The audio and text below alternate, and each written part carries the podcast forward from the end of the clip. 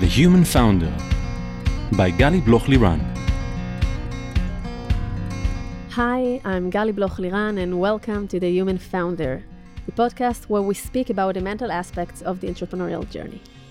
Entrepreneurs often describe the emotional roller coaster that is embedded in being an entrepreneur or investor, where you experience the highest of highs when you bring a talent on board or selling a company, and the lowest of lows when two of your co founders leave. And it's from that place of uncertainty, the need to constantly self manage ourselves, keep up our energy, and be mentally resilient in order to deal with everything, well, it's not easy. In each episode, I will be talking to entrepreneurs, investors, psychologists, being their sounding board, with the goal of creating a space for this less spoken about layer, which is the mental aspect accompanying the entrepreneurial journey. I will also share tips and tricks to help boost your focus, clarity, and mental resilience. Today, I have the pleasure of speaking with uh, Sagi Schliesser. Hey, Sagi, it's really great to have you here with me. Thank you. Great being here. That's wonderful. Uh, when I asked you an introduction, it was really, really short, so I'll do it in your way. Uh, Sagi, in your own words, you're a family man, builder, and innovator, takes pleasure in mentoring and helping people. In the last uh, 10 years, you're the founder and CEO of Crazy Labs. And there's so much more to tell, but uh, we'll find out soon during our conversation. Great. Great. So, Sagi, maybe let's uh, let's begin with uh, how psychology is embedded uh, and part of your life in different aspects, and it will connect the dots, the dots soon uh, as we begin. okay, great. So, so I, I think as a child, uh, uh, I had had the embedded need to to to think, and I, I remember thinking about it every every while. What can I be the best at? And uh, and uh, and as I grew up, so in, in, in school and in high school, I was really good in math and physics and, and, and all of that, uh, top of my class. But then it's on smaller scale. And as I went, I remember, so I did the army and then I went into university. And in university, I met these unparalleled talents. Uh, and then I, and then it dawned on me that compared to them, at least in this field, uh, I'm not going to be the best in the world. So, but it kind of came to me as as we were doing groups, study groups, and as we were going to uh, to, to, test. I, I, was pretty good at that, getting to be in the in the teams. But then I had a lot of abilities to connect between because a lot of them had communication problems and they just couldn't say what they wanted to say and and they couldn't achieve what they wanted. They were very kind of narrow on the communication side. So I found out that I'm a really great connector, and that came to me during university. And then, um, and then I said, okay, I feel very comfortable about taking and and, and I, I imagine you know in sports where I really like sports, so you have agents, and then agents kind of bring great talents to great careers hopefully and you know if they're not only trying to achieve financial goals so so I remember thinking about it in university why there aren't any kind of uh, uh, agents for really tech talents. So uh, and but the com- communicating and understanding that I can really uh, uh, mitigate that and you know in many companies especially back then I felt that this also the screening processes were really okay what can we take that is mainstream? Because the HR which people they can understand and, and in many cases the the most the best cases the extremes were uh, the ones that had hard time to really express themselves. And i kind of found myself uh, going towards the extremes the the, the people that uh, that i find that i thought that had gr- great talent uh, and and but then they need to work with people so and in many cases that's that's something that i felt really comfortable kind of um, uh, bringing them in into being understood, into uh, into finding their place amongst a kind of a bigger organization or team. So, so that's an evolution. So, when I understood that, then I went. So I started computer science and math and all the, and then after a year I added psychology, and then onward I, I kind of learned both. I, I felt that was kind of who I am. So it's beautiful uh, the way that you to describe it that you started with something, but then you found your strength and you wanted to emphasize and to deepen your knowledge uh, with your strength and the ability to connect people and uh, to leverage their uh, uh relative uh, advantage and to see how you can make something bigger uh, than that. So you studied computer science and math and psychology, and then like, what did you want to do with it?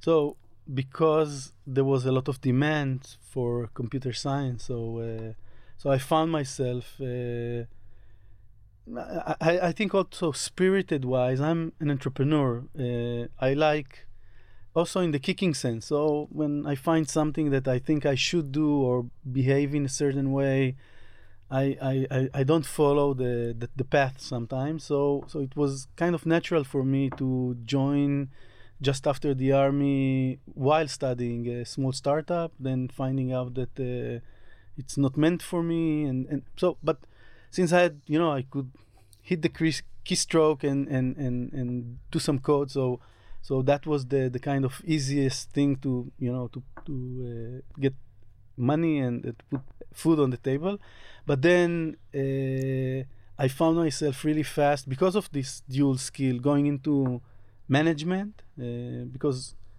uh, and, and, and it wasn't just because you know everyone wants just to manage. I thought about it quite a lot. What I'm better suited at, and uh, and also then combining talents into my team. So this is a thing that I used to do quite a lot. I used to recruit myself. I used to find people even before sourcing was a thing, um, and and also trying to educate the, the HR or the people that were working with me on on on not letting go on people just because they seem weird or they mm. seem not to accept talking to yeah to accept that a bit different and to see how you leverage what they have to offer. Yeah, not necessarily not afraid of it. yeah. not a bit strange or not a bit to leverage? N- not a bit not a bit strange. Sometimes it's a lot strange so it really depends on where you're coming from. So uh, so it's also the talk between people who learn psychology or interviewing and so on and people who were focused on on technical skills and uh, and math and and logical thinking that sometimes doesn't meet in an interview really well. And many times when we see um, founders or leaders or managers, depends on the kind of the company. So some of them either have more uh, uh, connection to those kind of people, like who are more uh, uh, analytic, analytical, and and like uh, uh, doing the code and think in a very very structured way. And some take it easier with those that are more uh, holistic and and like colorful in the way that they behave and the way that they lead their product. And it's really great to have the ability to have both to be able to see this and that as well. So, your first startup, what did you do there? It was around uh, B2B. It was 2010, I think, uh, 2009. So B2B was really uh, was just before the, the, the big collapse of uh, of 2000 and no, sorry, a bit 1991. After. 90, okay. 1991, yeah. Okay.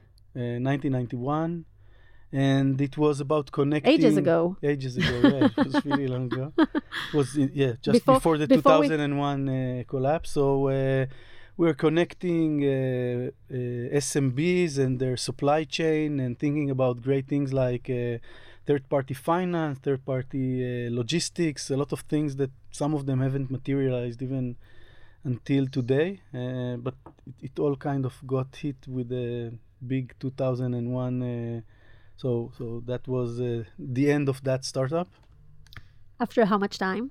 Uh, it was about two years. Two years. But but to be honest, also what I learned. So I joined there a team of three that were already doing it for a while as kind of a fourth, I know, co-founder. Again, it's uh, just a title. Depends on what.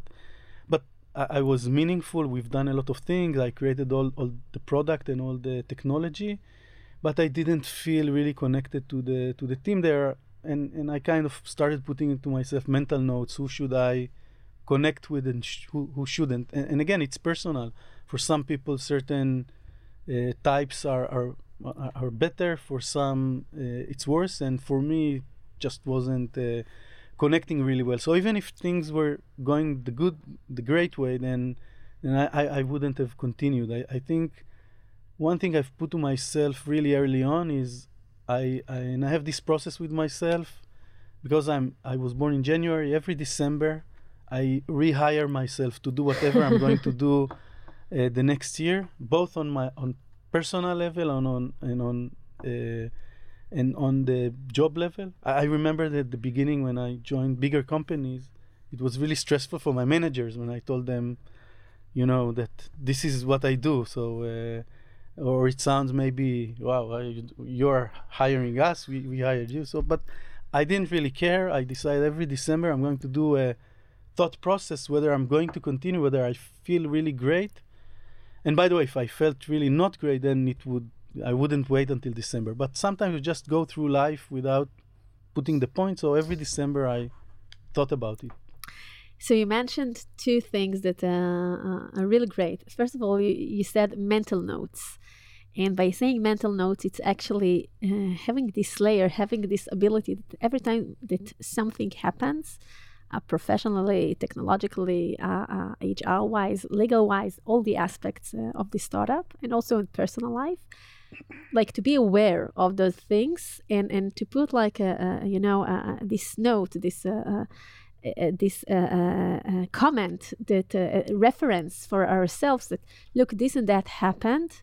What can you learn from it, or or what does it mean? Or we don't even know at the same moment what does it mean, but there was something there. So to later on to come back to it, and then if we go, you know, to thirty thousand uh, mile above, so we can look at those mental notes, and they are telling some kind of story. Mm-hmm. And if we choose to to see those notes, then we can understand something. This is one thing.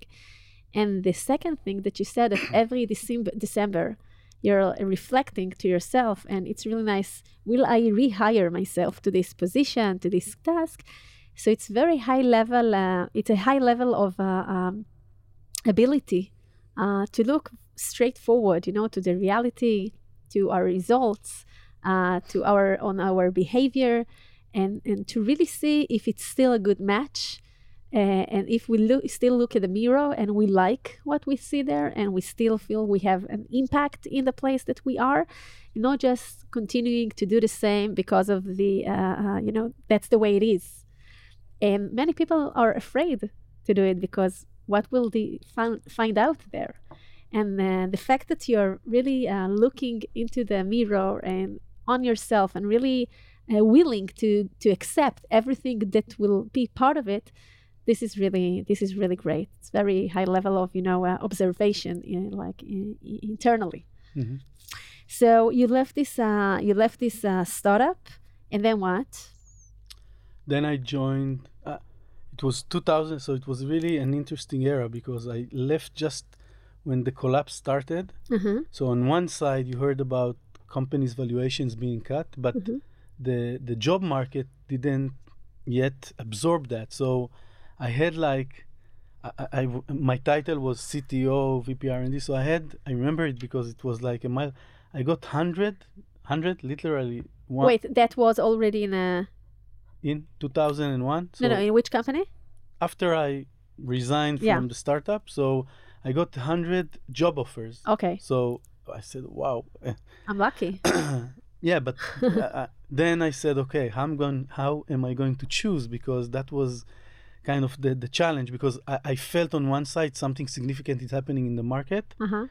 and then uh, but you know the, there are all sorts of things that you need to be aware how your ego works so which is which who gives me the best title money whatever how do they make you feel and and it was a really tough period on one side it really worked well for Diego, ego. On the other side, I, f- I, I, some, I somehow felt that if I'm not going to choose the right way, that's going to be a really, the market is not going to be well. So, and, and so I, I did a lot of internal processes. And then I remember I, I went, by the way, to sign in some company.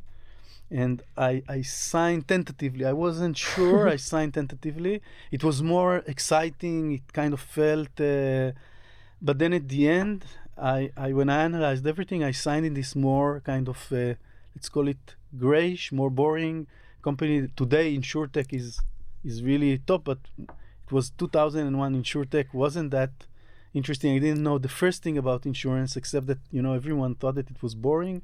All my friends told me you're making a big mistake. The other company that was that was doing uh, streaming and that, that's going to be, and they were, I don't know if you remember, there was red herring. The so they were in the in all the magazines and everything. But after signing, I felt something that uh, I should change, and then I went to this uh, uh, insurtech small company, 20 people, really small the, the, the CEO kind of gave me this 18 page Gartner report that I still keep somewhere.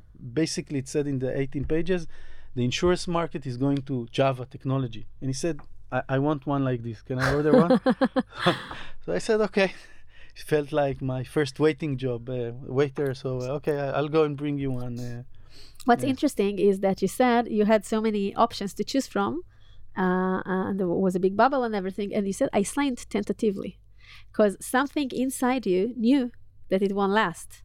But still, uh, uh, you did this act, you signed, but you said tentatively. And then you spoke about your ego, um, and you felt that you need something which is more uh, less risky and something uh, in more traditional uh, vertical and industry to go like to the insurtech it was actually the analytical part. So, so the ego part said, "Wow, this is a company where I can tell my friends, and they'll say, wow,' and they already said, "Wow." The other part was what everyone said. Mm, what? But when I looked and and and so in my decision, so I took this Excel. I kind of put, and it was really hard because you need to be honest with yourself. Mm-hmm. So when I put both of them side by side, then the the other one was yeah, it was safer, but it was also great. It's doing something new. So, so it, it just didn't have the the the friends kind of uh, appeal, the the the awareness. So, uh, but it still felt uh, so it felt it felt much better. So, uh, and and and then I said, okay, this is uh, what I'm going to take. Okay, and what did you do there? Uh, I started by doing, you know, there is a very interesting book by Peter Thiel, The mm-hmm. Zero to One. So mm-hmm. I found myself a lot of times in my career just going into zero and doing one. So so I, I got this Gartner thing and, and then I, did, had to create the challenge was to do something that would be innovative, breakthrough, and would serve these huge insurance companies. So uh, so that that's the first technology and product that I've built.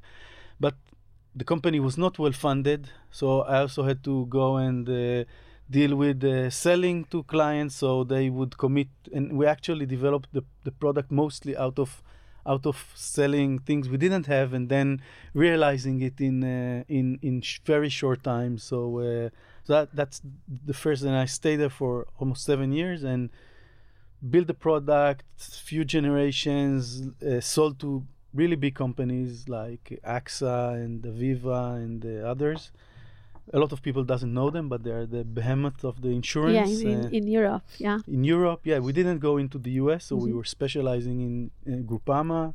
We were the first company selling an insurance product in China, uh, and and that felt really great. I, I mean, and so we uh, we did the product, and then when I got to around I think six or seven customers, then it becomes the one to end, and then I said, okay this is less interesting for me to do right now. Um, and and I decided that I'm just going to to move on. So I, I, I thought about it quite a lot, but and then I said, okay, I wasn't a founder there. I wasn't a true partner. So it was it was a great job. They gave me something which was really great to do, but I need to evolve f- now to the next level yes. of my path. and then I thought I'm going to do something of of my own, but. Uh, very very kind of period with a lot of uh, thoughts but then i joined sapiens instead so it's also an interesting uh, choice. And for how many years have you been there? In in sapiens? Yeah. For another seven years. Uh, which is also an interesting story, story because sapiens was a company that was a startup in the 80s then they kind of went down when i joined. The company had debt debentures of 24 million dollars. They were already almost gone company and the whole purpose was kind of restart mm-hmm. doing a restart there was a new ceo new COO, which is a little bit similar to what you've done what you've done in the previous startup just to take it now uh, into a bigger company yeah, uh, but the challenge it was in the Nasdaq. It was it had attributes that kind of felt that for me it's an evolution. Uh, they were doing also insurtech, so I felt that I'm going to use what I learned. Mhm. Um, um, and the team, I, I, I really connected with with kind of leadership team, the CEO, CFO, COO, and for me it became in many cases the, the most important thing. Who do I connect with? So. Uh, And in the last three years of Sapiens, what did you also do? So I at 2009 I went to the CEO and and, and by the way Sapiens was 150 percent with job with flights twice a month and everything. But You're I felt busy. yeah, but I felt something in the creativity was missing. And it connected with my university studies and, and trying to reach inside and find and, and what, what I want to do. And uh, and I went to my CEO and I told him, look, don't get it the wrong way. I'm a little bored, but not bored in the sense that give me more work. I'm doing a lot, a lot of work. Bored in the sense of what it gives the soul, in a sense. So, uh, and and and I, I want to do this small startup on the side that would deal with uh, interactive books for children. Uh, my daughters were just I was reading to them books, and I spent a lot of time abroad, so it was like very close to home. And he looked at me and he said, "Okay, okay. So if I don't do it, maybe you you leave me. So okay, you he can do it." managed. He managed Yeah, his he- risks. he- yeah, so do it, but every month update me what's going on. okay. And we did this for three years. Uh, the update. So I was kind of CEO on paper for. I, I, w- I was doing mostly the the fundraising and the kind of relations, but the actual management uh, um, it was done by by by someone who joined a year later, by Guy, who's the, my true co-founder in the company. So for three years, you were uh, doing uh, both uh, Sapiens and the uh, newbie uh, startup, and and we can see first of all that uh, you're very greedy. I mean, you were seven years in uh, IDIT and approximately seven years in Sapiens, and nowadays it's already ten years since you. Well, it's seven again because Se- uh, it was so three seven. joined. This yes. is like this is the number seven. Yes. you know, it's a typological number. I was also seven or eight years in the army, so yeah, it kind So of you have something with seven, right? We can say, but anyway, seven or ten, it doesn't really matter. It's a, it's, it's quite a period. It's like Mhm. quite a period of incubation and growing up and really nurturing uh, this uh, new baby, new positions, etc., etc. So, do you know yourself as someone like that, like eh, that it takes you time to evolve, or did you need to nourish like the the new babies, like uh, in the different stages? So I think, by the way, I stayed in one company for three months. That was Mercury. that I tried bigger, and it didn't feel me. So, so what I really like doing is this zero to one, and then when I grew older, I learned also how to manage the one to n, so the growth part. So, but growing something significant from real zero, really, really zero, and something that could be significant is is not easy to do, easy to manage. So, uh, so it usually takes time, and I, I, I think, or maybe I'm slow, but again, my period is incubation period is usually seven years. I think two, three until we have the product, and then sales, and then feeling that it can walk by itself and it gets traction, and and and then usually after that period, I get to the sense where okay, it can walk by itself, so I'm not needed anymore, and maybe I'll go on. and do the next thing. So, uh, so So, so before we'll dive into uh, uh, uh, TabTale, which later on became Crazy Lab, um, I remember you mentioned you wrote a book, right? Uh, after the startup, you really wrote a book yes, uh, to your daughter, daughters, and you said you called it um, high tech dad, High Tech that. yeah. high tech dad. Tell me a little bit about it. What when you spoke about high tech dad?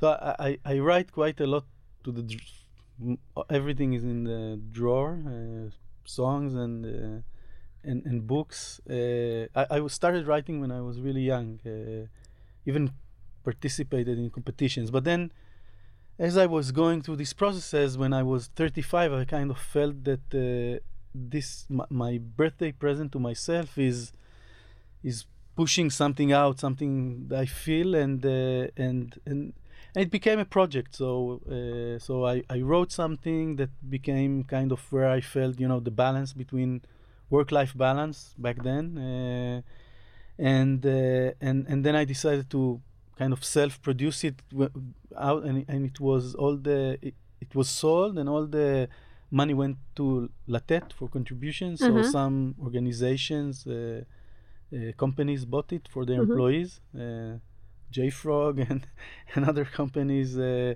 acquired the, the book, and all the money went to Latet. So uh, so it became kind of a good project. uh, You know, goes contribution to community to Mhm. myself. Uh, Win-win for all. Yes, yes, something like that. So and, and a great birth, birthday present. So so basically it was for me, but it had upsides that it kind of also helped. Collateral upsides. Yes, exactly. So But th- that's great. But if I da- dive in, so from the few pages that I saw online that I read, what did you actually bring there into this uh, uh, story uh, to your girl? Like the perception of being a high tech dad. What does it mean? A dad that doesn't. Uh, isn't at home or dad that has a lot of expectations or what kind of education does he give to his uh, daughter and, and how, how it's all combined this I, I, I think on one side uh, it was around. Uh, it's a di- it, it talks about the difference between some professions because there is a divide between. I mean, my father went to work at eight, came back at five, day in day out. So it was for me the kind of so this is was, was not who I am. Uh, so I was taking them late to kindergarten, sometimes picking them up uh, on the in the last minute.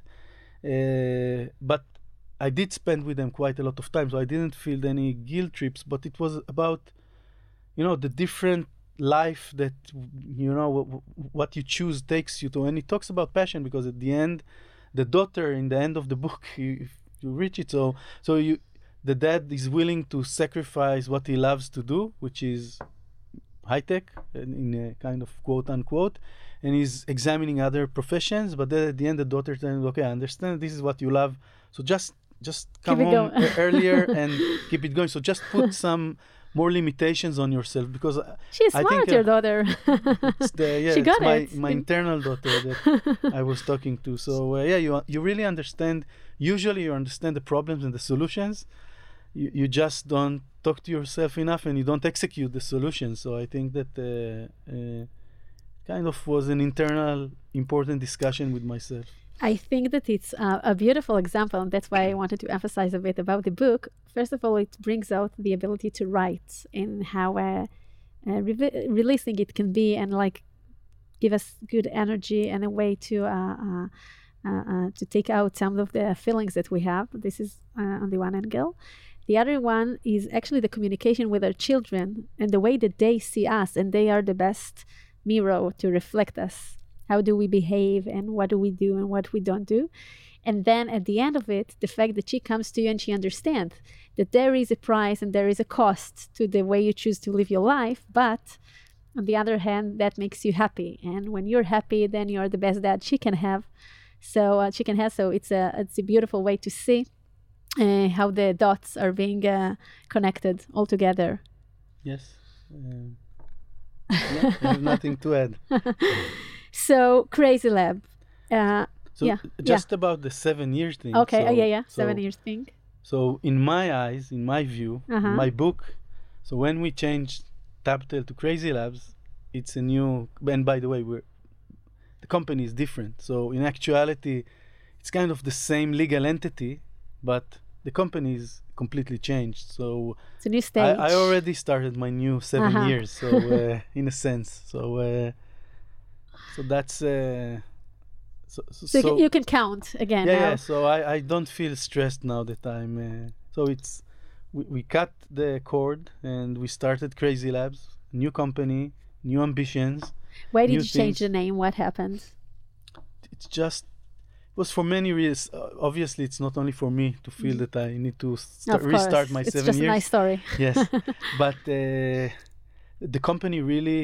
I mean, one of the hardest things is to really pivot. Not pivot, you know, this product Uh-huh. you sell to them, sell, but we started doing things for kids, and then the market stopped evolving.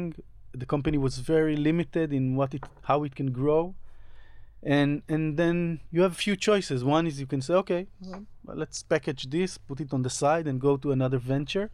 But we had talented teams and and there was some energy and momentum and then we decided to try and evolve this from the one industry that we were into a, kind of a broader gaming industry that was very interesting that felt exciting for us and that we were really halfway there so and, and we spent time in evolving and once we felt that we achieved this we are not anymore a company dealing with any content for kids so it was like the, the LinkedIn emails and, and, and the sense that when you search TabTale, you still find things related to kids. And, and we said we want to put that behind. That was a company that did great things for with content for kids. But now we're not that anymore. And Crazy Labs is doing things completely different. So no, no use mixing it. So let's rebrand. Everyone will know us by this name, the partners and everyone. And it really worked. It's important to say who you are. So. Uh, let's expand a bit about pivoting. Okay, many startups uh, uh, do it few t- several times, even uh, in different periods. But being in the inside, the one who leads uh, the pivot and the whole strate- new strategic direction, and what is going on there? Because you're you have something that works. Maybe sometimes it's already it doesn't work anymore, and that's the reason we need to change it, or that there is a new market opportunity, and then we want to be the first one to reach it. But what happens from the inside? Because you you describe it like a very easy thing to do, but it's not that easy. You are connected to the brand, and you used to work uh, about gaming for kids, and it's a totally different strategic direction.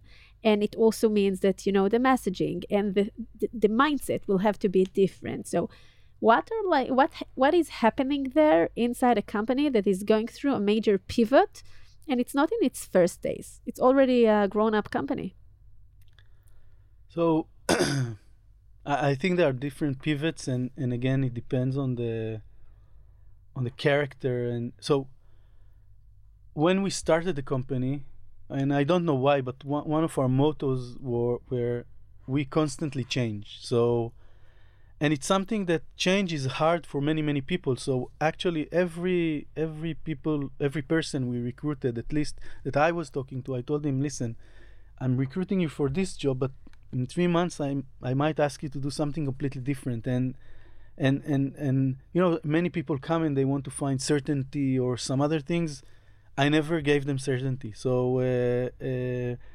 about the company being viable financially yes about us doing the same thing never. And and by the way we started with doing interactive books and even greeting cards then it didn't work. So we pivoted quite a lot of times these let's say small pivot when you say okay moving from kids but in our life we change structure we change the product we change the focus we started without ads adding ads. So there were many many small pivots along the way. So we were really used to experimenting on things. So when we got to the point where uh, we actually did the big pivot from kids to some something else we already had some pots cooking with different things because this is the culture that was created. So we were trying different things.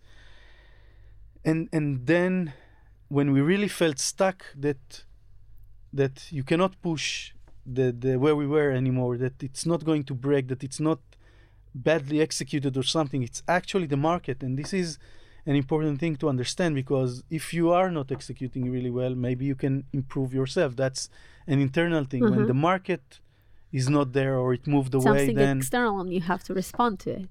Yeah so you you have to first know that uh-huh. and and then w- once you understand that then you need to try and find where are you going where what, what's the path going forward but so, what uh, happens there in your mind as a founder and as a ceo that you say oh like is there some kind of this voice that i'm going now to have to continue with what I've done so far. This is my company. This is like the strategic direction, or a more mature and like uh, uh, seeing what's happening in the market and say, okay, that worked.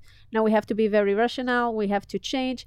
Let go of this, uh, you know, uh, nostalgic or those feelings and focus on the new thing. So actually, this was the ground for me breaking up with my kind of you know first co-founder just I know left it's a good after question. a few years yes so so that it created tension because Mhm. i always my my thought process was that in this startup we're going to try and reach the star so be the best at what we're trying to be but and and find continuous growth. So uh, and and by the way, we also had investors that this is what we promised to do. So and and for me, promising is extremely important. So when it came to this point, my my my partner was really conservative. He said, "Okay, we have a nice small business that is making profits. We can just live out of that. Yeah, continue." Uh, but I I tried to explain this was. But, and by the way, if the board and everyone would accept that, then fine. I, I would find maybe I today I would be somewhere else. But uh, the board wasn't fine with that. They felt that there is great things to do, and I wasn't fine with that. I felt that that this is now the time for us to leverage what we have and and the fact that we are we we, we have important assets like great team and and and, and, and knowledge of, of of of games and and the app store and everything and relationships and we can take it and and beat others to uh, to to the next stage so this is where Do you think it's happened. something you could see in advance, like the more conservative uh, state of mind uh, versus your, uh, you know, uh, seeking of opportunities and, and constantly grow? Yeah, I think that everything you can see in advance, especially when you're looking in hindsight. This is when we are the smartest. So uh, you can see everything from. I, I think or, or it's, it's not a surprise, but uh, um, you know some things work for you at small scale and, and Yeah. working really on the details, and and then people evolve differently. So and and there is when you look back, you could say, okay, I I should have seen this and this and that, but uh, I, I sometimes it doesn't matter. I know sometimes it just and by the way, some partners are suited for a certain phase. Sometimes Mhm. I, I'm not sure that everyone can go zero to one, one to n, same same everything, and grow through evolution without changing who they are. So, so I think it's almost impossible up from the front. And, and I know people who choose family, who choose friends, who who divorced, who divorce their friends. So, uh, so at least for me, it was people I didn't know before, and nothing really bad happened to my life when, when you know, it's it was really stressful. It was bad, but but I, I didn't uh, lose any. It could be worse. investment. Yeah, it could be a lot worse. So. so what you're actually saying is you cannot hedge everything. You hedge what you can and, and, and the things that are more important for you at a certain stage, and also the understanding that the way we are at a certain stage of the startup is not necessarily and probably won't be the same as we are as the startup grows. And you said it beautifully from zero to one and from one to n, which is like everything else that can happen. And then you understand that you you want to grow the company. He's more conservative. This is the pivot is in discussion now. And it comes from you that it should be uh it wasn't that analytical. So companies like companies, we were not first mile on the road, and and we were profitable. So it kind of sometimes the conversation is you need to go to the board, you need to tell them what to do. Money is running out. We had none of these stress points. So Mhm.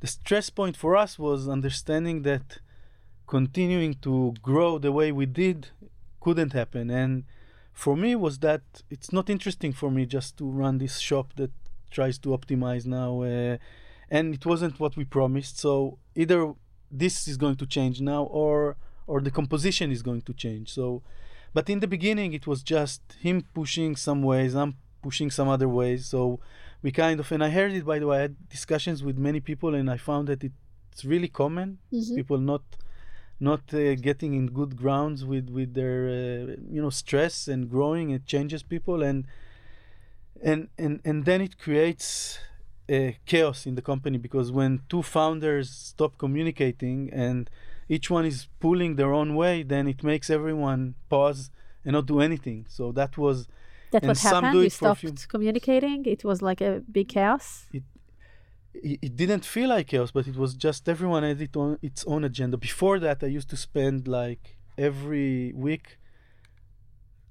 10 hours at nights from 10 to 1 or 2 a.m. going. He was he was walking his dog. I was going to walk because I, I need to be functional. So I felt that at least I'm doing sports.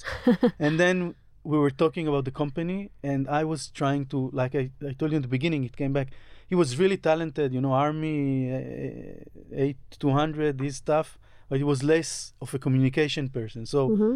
So, and the company became quite big. So you had to mediate all the time that these are the needs of people to know for transparency, for growing. And, and he came from different angles. And, and it, it was this discussion at a certain point where the divide happened. We also stopped communicating because it came, became too emotionally complicated for me to do that and to not agree. So I, I just said, okay, I, am going to do ABC, he's going to do uh, ZWX, and let's see. And uh, but it doesn't really work, so it never works. So it went like the, like this, I think, for a year and a half or something, which is too long, by the way. A year and a half that you were like isolated, like separated. Each one is leading his own directions. yeah, we, there were some still common grounds. The company were still doing what it did in the past. It was just not as successful and kind of flat and he was kind of trying to to claim something and i was already starting to build the next phase going into what the company is actually doing today. So like founders that listen to us now and find themselves of course it's it's the various stages various situations etc but when you feel uh, that something is not working between the two of them the three of them depends on the dynamics. And it takes some time to to understand it. And there are some red lights you know? So i know that there is no right or wrong number to how much time we should let it go but from your perspective from the way you know your own experience and you're also an angel investor we'll speak about it shortly. So you see a lot of founders and you see a lot of teams. Do they usually succeed succeed to uh, uh, bridge the gaps and to align again and to work together again, or that if there is a major crisis between them, so it will probably uh, won't be uh, fixed again? Well, I, I don't know the statistics because I think I didn't proactively try to be in these processes when they happen, but the people and I spoke to quite a lot from many. I will not name names, but but a lot of people that I I, I wasn't even aware. They told me, yeah, I had the same situation. Mm-hmm. And by the way, usually they told me kind of the same story in, in the narrative sounds the same. So at least the ones that I spoke to, they were the the leaders, the CEOs, let's say, mm-hmm. and then the whatever uh, VP product, VP. The, so the other co-founders, v, whatever he was, he came and he said, "Okay, now it's my time to lead. I think that I know better where to take the company, um, or or I think that uh, I should take the company for whatever reason. Um, so and and and what makes you I, I think this understanding f- for me one of the root causes is when a company forms there is a almost sometimes completely arbitrary allocation of uh, authority mm-hmm. so you're the cto you are the vp product or whatever and and titles run very and and i'm the ceo so and but at the end, I think, at least for me in, in life and in, uh, I believe in ownership. So, and this is also how our company behaves. Whenever we try to do something, we ask who is the owner. The owner is the is the one responsible for everything. He has no one to blame, and the CEO is the owner of the company. He has no one to blame. He, and and in in that case, it was my fault that I did I wasn't good enough in managing this crisis. But again, this this decision that I was the CEO and he's something else was kind of arbitrary. Mm-hmm. Although he said that he doesn't, he went to the board and he said, "I want to manage the company, but I don't know how to manage, so put someone under me." So I will be like the strategic guide, and someone else will manage, which is a bit of a tricky thing. But I, I think also others that I spoke to, many of the cases was like this. So it's about leadership. So it's not about feature in the product or about money in the bank or about I, I, think these things can be overcome i think that when there is a divide of okay i want to be so uh, he feels an owner co-founder founder is an owner by definition and and yes there is a lot of respect and you have boards and, and all this but day to day the ceo he signs things he's doing things he's taking responsibility and and at the end he needs to make decisions unpopular decisions popular decisions whatever and and i think this is where i, I felt the uh, where things became un un uh, they could not be sewn together later. Because during a startup you have many arguments you have many things. This is why you need to spend a lot a lot of time communicating and we spent a lot of time communicating. But when this happened this divide about leadership then i stopped feeling that i want to communicate anymore and uh, and i just went we went with this energy going forward at everyone and and it was convenient on one side but it was a big mistake and what i didn't do by the way i didn't do this december with myself because otherwise it wouldn't take a year and a half so I, I suggest it's surprising everyone, that exactly in the same year you didn't do this December. Uh, you know, it was too hard. Yeah, too hard. You didn't want to confront it. I, I, in in my mind it was boiling, but uh, it didn't reach the critical point, and but it the emotional toll is so high, and and also in my personal life I just got divorced, so it was a lot of things. So it's it's many things combined together. We are not isolated. Uh, so I, I just didn't do so if I, I do recommend to people to do this also with their with their team so uh, do they feel that this is this is still something that uh, they are going forward with this team? Because sometimes the signs are there. It's not about breaking up. It's not about deciding to break up. It's deciding to see if you already broke up and you just don't recognize it. So and i think this is uh, important uh, so just decide on a date and try and and look at everything honestly. Yeah. You mentioned something that um, sometimes it's very arbitrary the way that we decide to uh, uh, uh, give the titles or the, the ownership. Uh, I mean, there is someone who can be the uh, fa- the really first founder and to join, a, you know, a co-founder, and he will become or she the CEO, and he or her, the other one, the the previous one, will be the CTO, COO, doesn't matter. And then there's also a, a debate. I mean, someone came with the idea at the beginning and started to develop it, but then now the co-founder joined and he's the CEO. So there's a question here, right? Of okay, we chose you to be the CEO, but if you are misleading the company or even now you use your power in uh, not in a in the right way. So from your experience as an investor, how do you uh, address those situations? So I, I think because it's very gentle. The fact that you're the CEO, it's right. You need to make a decision. You need to make decisions, but sometimes it's not just your decision to make. so I, I think that gr- in my view at least great teams they have the right ceo to start with at least you know it might not take them all the way to an ipo whatever but so so i i try to see in the team whether it was just something which kind of inertially happened.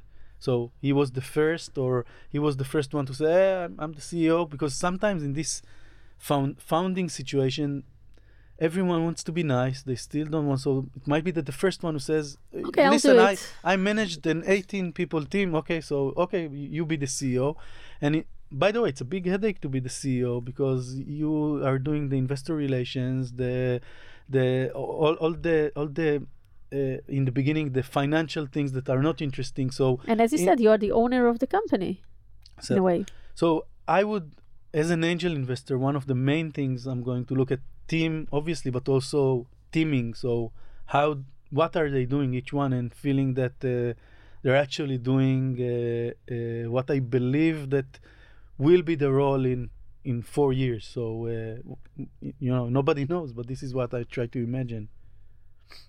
How they will uh, uh, act Evolve. and behave and evolve in several years. Yes. Okay, and then um, so the co-founder leaves, and I want to go to a different angle of uh, of Crazy Labs. Actually, TabTale when it was in the beginning. Nowadays, the whole conversation about uh, gaming and technology and screens and children. It's like a very, very. Uh, uh, as a mother, also I see it with my sons, and I'm sure that you see it with uh, uh, your children being coming from this uh, psychological angle also and being a very you know uh, present dad in your children's lives etc how do you see it as a founder and a ceo who leads the, the, the gaming industry and create more and more games and on the other hand we also see uh, the risks that it has and we also see the problems and we saw in the covid period. And just now recently it's it's really talked that p- children need to leave now their phone and they like have a crease because they they they are not uh, uh, they are not able to be with themselves and with their friends because they need the phone all the time. So it's not from a, a um, criticism angle criticizing ang- angle but it's really interesting to to see our role in as as founders and as innovators also to do things that do good and also educate in the right way through the industry that uh, we promote so how do you address it Yeah, I, I think there overall in everything there is a, a lot of hypocrisy. I, I can tell you that when I started the company, I, I, I went on this roadshow with Vardi. He had this new media delegation, and he would pick I don't know twenty companies. This is where I met Alex, by the way. Okay. The, so, and, hi alex yes, and and and we had this. It was like three very intense day in the morning breakfast, pitches, 30 seconds and then the whole day meeting with people and and a lot of companies they, they had this speech about you know what they're going to do uh, uh, to change the world and i i said okay um, interactive books it's nice but i'm not going to change the world it's it's fun um, it's communicating between parents. And so so I, I have you know at certain point as a joke i started saying you know in gaming we solve the boredom problem which, which is for kids today is more severe than covid because if they feel bored for and by the way i'm not for it. I, I think that people should feel know bored how to yeah to feel it's, bored how it's really to important. how to reflect yes but Yes. for them it's like a disease to feel bored. I, I hear my daughters I, I'm, I'm bored. It's like okay Oh, well, no. what can we do to solve it? Um, so so you know i, I- think uh, uh, like many things people need to own up for their kids for their everything. So so you know i have a four year old and a 16 year old and a 19 year old and and there is certain age where they become grown up and they can choose what to do with with their life and devices and you can just recommend.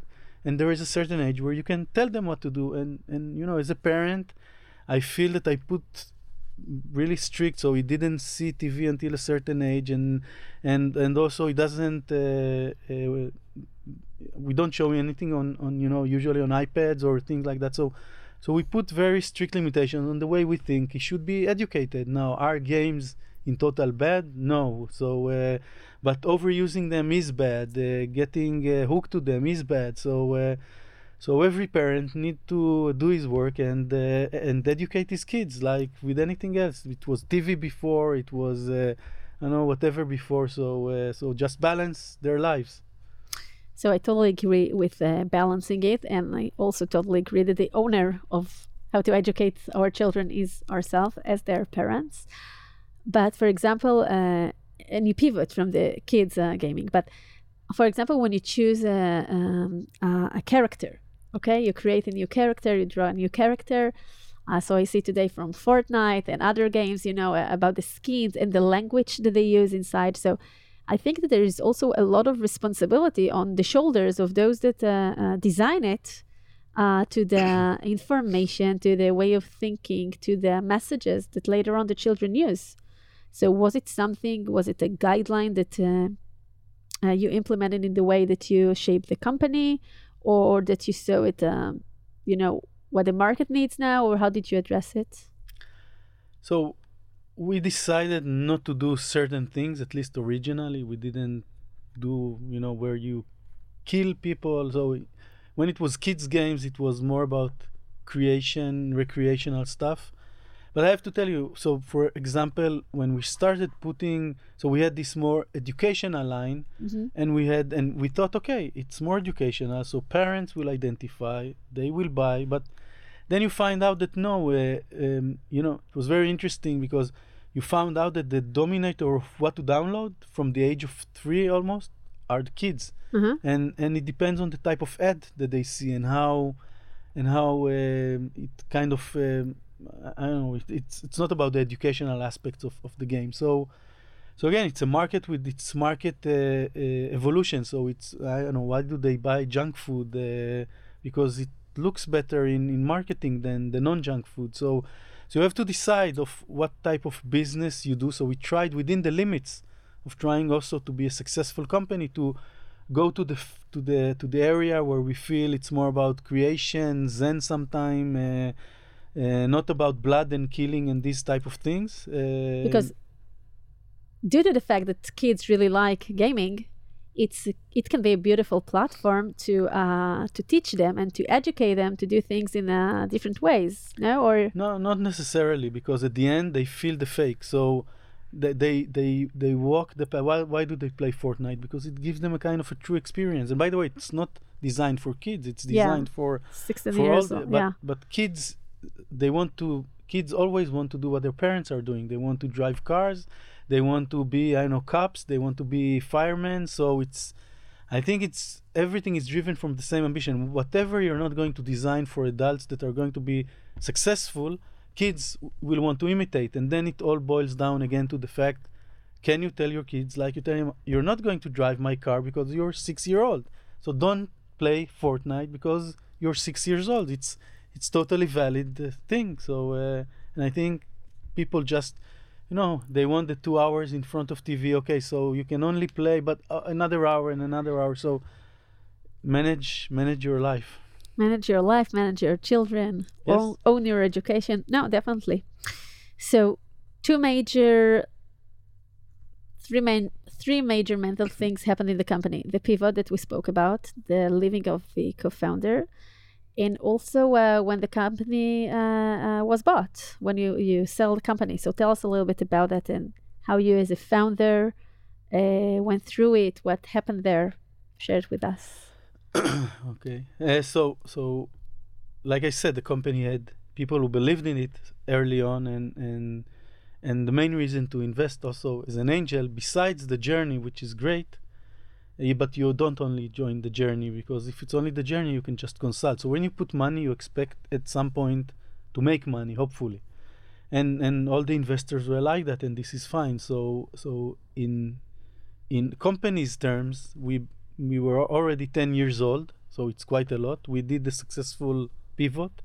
We're growing really in a great way leading the hyper casual market and doing great on casual. So we were kind of well positioned to to now leverage and and by the way the the the, the board and, and and and the shareholders they said okay if what you want to do is continue and grow the company we will back back you up but uh, if there is an opportunity to sell it's a good time for us to kind of part ways So, Uh, so it's something that the board like uh, no it's it was like the understanding that it's not only the board i mean it's the, board- direction now. it's the direction the the two I, I was the only founder so two co-founders had significant shares. They were not in the company.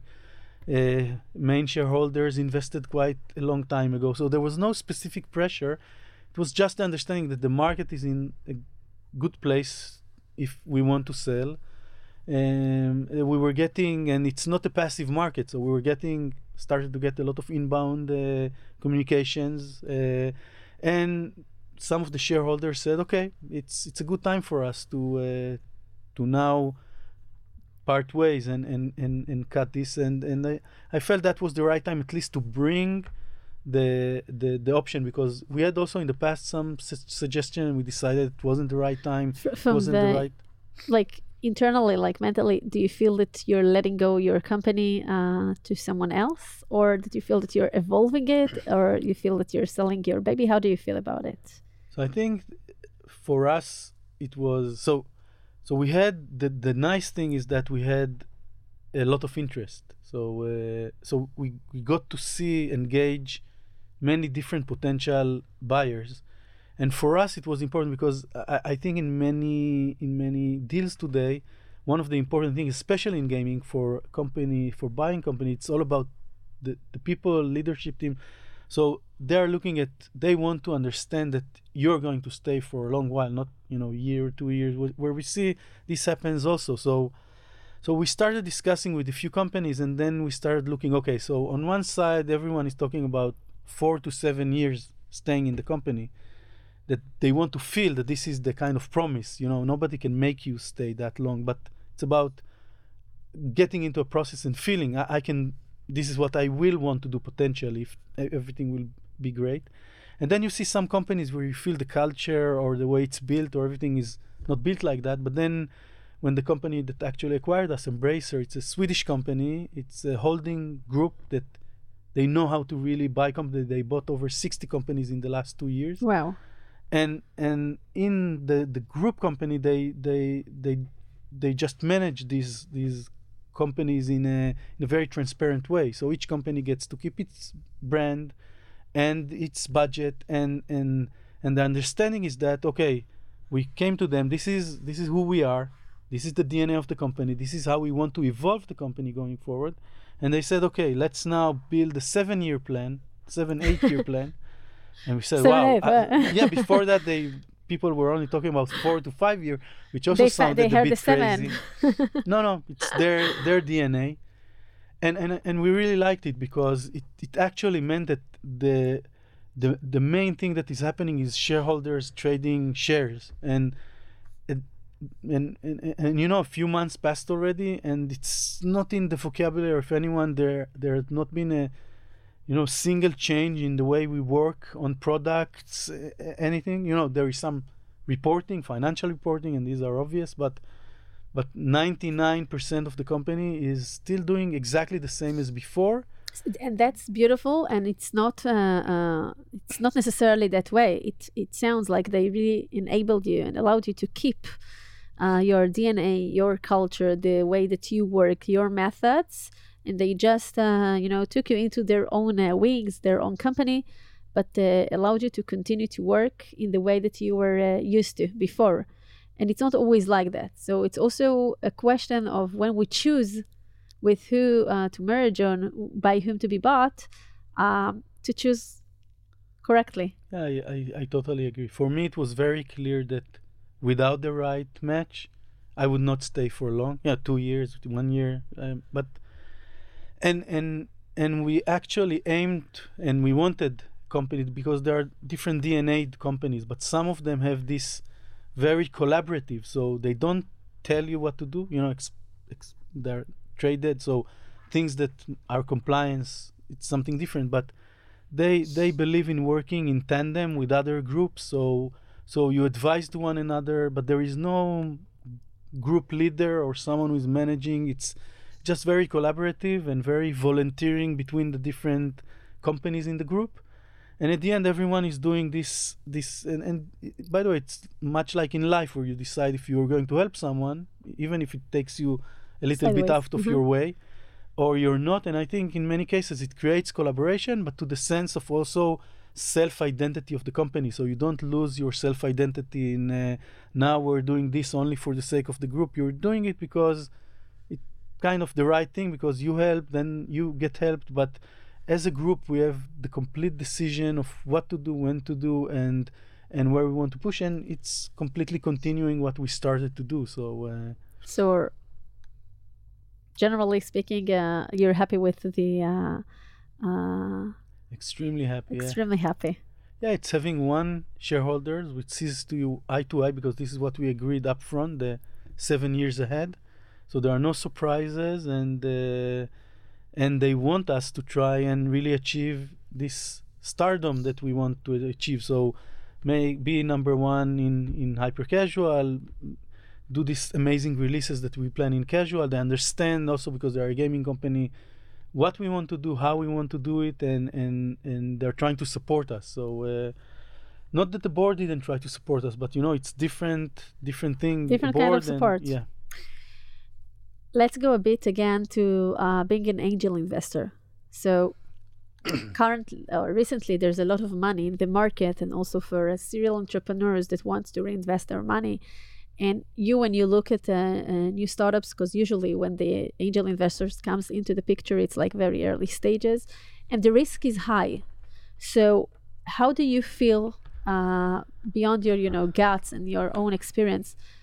What are the things that you're looking at in the stages that the technology is really not clear? Usually, the technology is not developed yet in the stages, and all you have is a team and an idea. And what makes you to risk, you know, a money in a very big risk at these stages, and according to what you choose with uh, with whom to go? it's a it's a difficult question. I think one today is a it, it's a very confusing era because you used to you used to get a lot of uh, attention trying to get you to invest uh, even great companies today, the at least the ones that are I don't know if they are great, but the ones that are on path that they are considered great, that they raised some money or they do something which is very hype, they interview you to invest in them. Mhm. So so even if you tell them, okay, I want to invest, they say, oh, oh wait, wait a Wait a second, we have second. we have an allocation. Maybe we can only give you this or that. So it's a it's an interesting time. Um, I, I I think because um, it's very speculative. So at the end, uh, I look at teams. I look at the product. If I don't understand the product, even be- because I'm just not there, then I I don't invest. So I invest in things that I have some connections to. At least I can understand the product, the vision, uh, even if I, I don't leave the market and I know all the competitors. So it's not a must for me to know the market, but it's a must for me to understand the product need and the product fit. And by the way, I only use it to kind of as a preliminary thing because I, like with us, I understand that a great team will pivot quite a Pivot. lot. Mhm. And then the most important thing is the team and the chemistry. So even if I find a great team, but I, I, I, I logically I understand the great team because their CVs is like they did this in the army and this and this and that, but I don't feel that. The vibe, the, that- energy. Yeah. So between myself and them, not between themselves. So I would not invest because I feel for me a big part of investing now is also about feeling great. So uh, and and I would not feel great investing in someone that I don't have great connections with. So so it's just a matter of some choices that I make. Today companies do this, you know, crazy structures, safes that sometimes don't make sense. So I'm being very honest with myself around what are my red lines and and and if I don't feel and and you know some some people came to me for one hour i didn't even do due diligence and but the vibe was amazing i felt the team was amazing i felt the product had really great potential to what to what it really means and then i said okay it's good enough for me um Did one of the angel investments that you made by now already like grew up and uh, are raising uh, bigger funds and the product is uh, well i i, had a period so i i did s- v- i- investments long in the past. My one of my first kind of investment was JFrog when actually it was uh, it was company that just a frog. yeah. And, and it became an amazing success story. Uh, so i was i was there from from the beginning accompanying helping uh, uh, then uh, I, I, did the same with SafeDK. Um, and and and i invested in a few companies but i, I think mostly uh, uh, started doing the kind of bigger investment in the last I don't know two three years. That's the uh, so it's still a way to find out. yeah yeah yeah, there is a, a s- some of them will be a, a sh- short journey, some of them will be a long journey, but uh, it's fun. It sounds like that. Yes. Maybe just one last uh, word about uh, when you and your co- co-founders split ways. And this is something that uh, many co-founders deal with. And of course, it's always uh, better not to get into this moment, uh, but sometimes it happens. So, how did you manage there? You know, on the one hand, you want to end things in a right and respectful way. On the other hand, not always uh, there is a match of expectations and you see eye to eye. On another hand, you know, there's ego that comes into the situation. So, from uh, from your experience, uh, in what stage do you bring lawyers into the conversation until when you try to solve it by yourself? And another interesting question is, to your opinion, what is the um, say uh, of the investors at this stage, and how uh, impactful their direction or thought or uh, will be? Uh, because at the end, it's your company, like the co-founders' company, but they invested the money. So about these uh, very very gentle relationships there. Uh, it's a it's a good question. So you know when when you get to legal, it complicates things because uh, you know it's like in divorce and lawyers. So if people go to mediation, it usually ends much better for their kids. And I think if founders go to or they do some mediation, it's much better for the company. But you know, in many cases, you can just not reach. Uh, sometimes it's so if you catch it early, maybe you can you can still mediate and find the right way. We did this for so long; it was unmediatable. So, uh, and and and it just escalated quite fast because uh, everyone felt betrayed. So I, I, I, cannot represent him, and obviously I think that uh, I did great, but uh, but he uh, probably thinks the same. So it, but this is the problem. Uh, so when you reach a divide which is too big, it's really hard to to continue and uh, and, and and mediate, and then and and then it will it might go to to legal. And then you know lawyers at this stage they take percentages and they uh, and they want the best outcome for their um, uh, the one that they represent. Uh, yeah. So and, and in many cases the the best outcome supposedly for the one they represent is not really the best outcome because in many cases the best outcome is still for the company to really function go forward and so on and uh, and you know this is an understanding that only can be seen from from inside and i think for the investors, or in many cases they're well represented in the board. It's a big headache. I hear about it quite a lot from uh, from from uh, investors and especially board members that represent investors. It happens in many companies. And and by the way, I think that for companies it's really important if they when they choose who they want to put on the board, the ones they need at least the one person that can help mediate such such situations. So uh, and and by the way, I, I was really fortunate. I had an amazing board uh, and and and uh, the external, and both of them were very supportive of, the company, and they were trying to to help.